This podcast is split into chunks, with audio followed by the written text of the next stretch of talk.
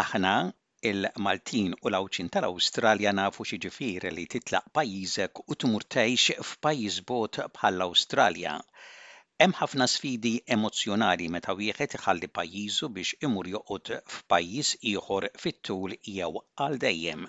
Bħala migranti ngħaddu minn taħlita ta' emozzjonijiet bħax-xokk kulturali ta' pajjiż ġdid u li nadottaw lilna nfusna f'ambjent barrani.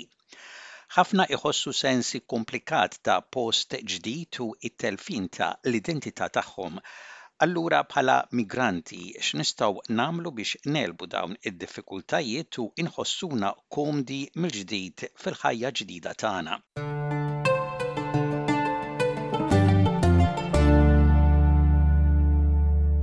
In-niket tat-telfien fis-sens tal-migrazzjoni jinħass b'modi differenti Barra l-istress tax-xokk kulturali u n-niket li nħossuna mbegħda minn pajjiżna jew id-diffikultajiet tal-lingwa, ħafna migranti jesperjenzaw sensiela ta' telf differenti li jista' jaffettwa ħafna s-sens tal-qagħda, tal-kuntentezza tagħhom u r-relazzjonijiet tagħhom mal-oħrajn. It-Tabib Grant Blashki, kliniku ewlieni f'Beyond Blue jgħid li n-niket tat-telf li tikkaġuna l-immigrazzjoni jista' jkun f'diversi forom. Jgħid li jista' jkun psikoloġiku, sens ta' swied il-qalb jew ix-xokk Is-sens ta' rabja jew ta' tort jista' jkun sens fiżiku, elementi ta' nuqqas ta' rqad, għeja u li ma tħossokx f'burdata tajba.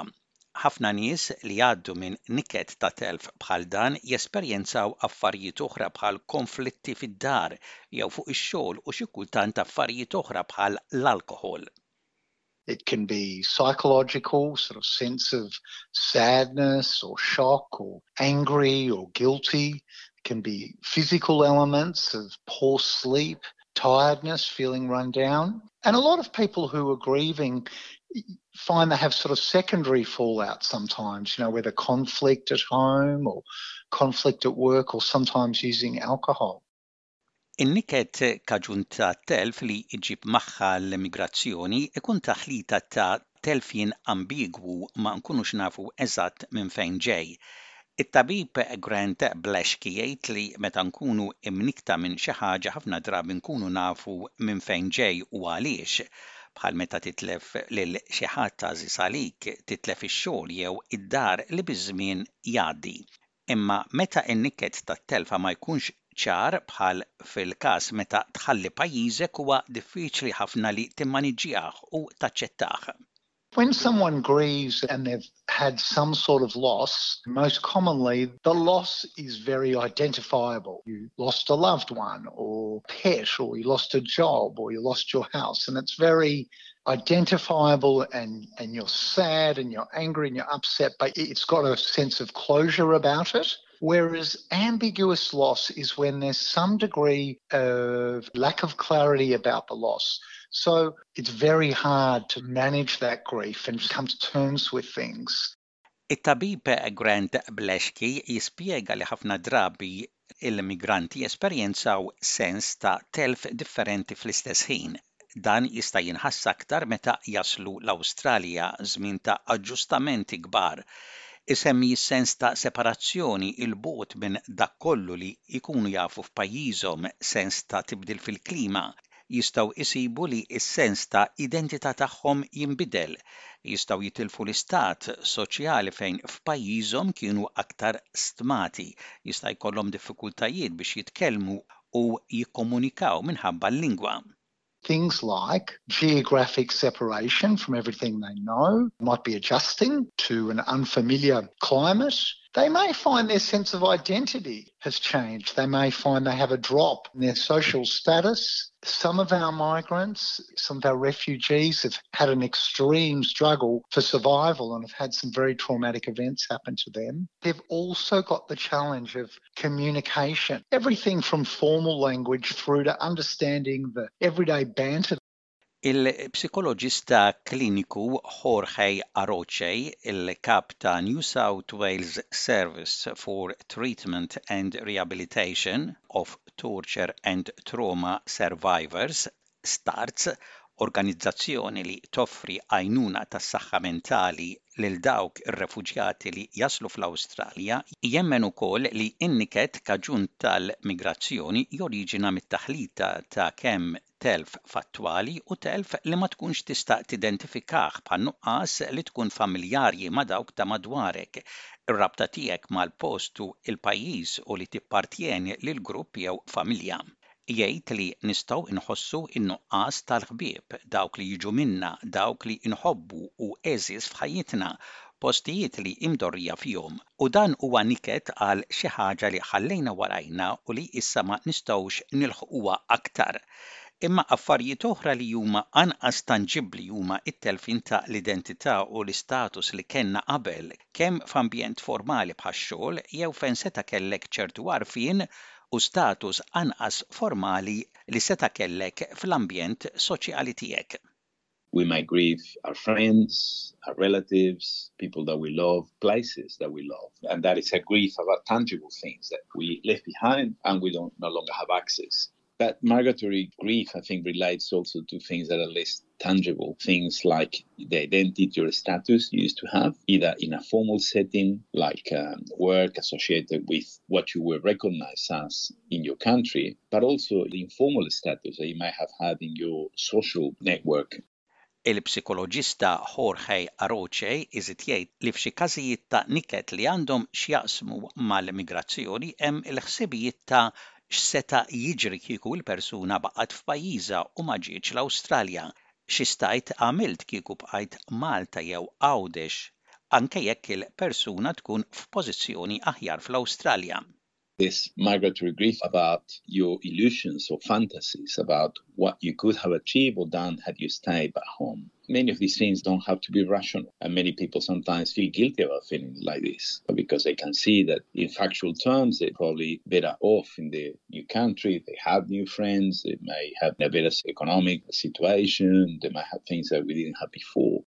Il-psikoloġista Jorge Aroche jgħid ukoll li kwistjoni oħra li jista' jkun hemm, speċjalment għal dawk il-migranti li jkunu ġew l-Awstralja għal ħajja ta' għejxien aħjar hija s-sens ta' diqa meta jiksbu xi ħaġa u javvanzaw 'il quddiem u ma jkunux jistgħu jesprimu d-diqa tagħhom fil-miftuħ minħabba l-istigma jew is-sens ta' tort Jgħid li jistgħu jħossuhom li m'għandhomx jilmentaw jew igergru meta nieshom u l-maħbubin tagħhom għadhom fil-pajjiż ta' l-oriġini tagħhom f'sitwazzjonijiet agħar minnhom u għalhekk jibqgħu siekta jgħid li importanti nagħrfu kif inkunu qegħdin inħossuna. They may feel guilty about complaining about the, the things that they experience in loss about when relatives, loved ones are still back in the country of origin, dealing with much worse, often dangerous situations and so on. And that can be problematic because whenever you feel something but you don't take it out and acknowledge it, it makes it harder to think about it logically and to deal with the situation and so it, it can begin to affect you. It is important to acknowledge it so that we can work through it. Esperti tas-saħħa mentali jgħidu li xi migranti jesperjenzaw inċertezza kontinwa li tista' tittardja deċiżjonijiet importanti fil-ħajja tagħhom li jistgħu jfixklu l-istabilità futura tagħhom. Kamal Sharma li huwa l-Kap ta' Resilium, ditta ta' konsulenza li toffri tmexxija strateġika u taħriġ ta' reżiljenza, jgħid li tieħu sehem fil-kultura lokali fejn toqgħod u li ssib it-triq biex tintegra fis-soċjetà huwa importanti biex tegħleb dawn id-diffikultajiet. Imma barra li tieħu passi prattiċi bħal li tingħaqad f'xi attività jew f'xi klabb, l-eżerċizzju u l-meditazzjoni, Hemm diversi modi oħra skont il-persuna li tkun biex tgħin lilek innifsek. The western literature that I've seen it's about change management, thriving in change, it's about making sure that you can adapt to change and I think that's to a certain degree a western construct. What we focus on is impermanence because change requires you to go from one steady state, it changes to another steady state. Impermanence is about how do you surf and take advantage of the ebbs and flows of life. So for me, flowing through impermanence and accepting impermanence is much more powerful. Irrespettivament mit-twemmin personali tiegħek, esperti tas-saħħa mentali jirrakkomandaw li persuna tagħraf dak li tkun qed tħoss. Dan ifisser li tiċċekkja miegħek innifsek dwar kif qed tħossok u titlob l-għajnuna jekk tħoss li għandek bżonn l-għajnuna ta' xi ħaddieħor. It-tabib Blanche Kiemen Beyond Blue jispjega li għalkemm Is-sintomi tat-telfa fil-migranti ħafna drabi jmorru u jiġu għal ħafna snin, niket fit-tul li ma jkunx iċċekkjat jista' jispiċċa fi problemi aktar serji. Jgħid li kultant ikun mistoqsi jekk dan hux niket jew kundizzjoni ta' saħħa mentali. Ta' tħassib huwa meta dan in-niket idum xhur sħaħ u l-persuna tħoss li m'hemmx sens ta' tama.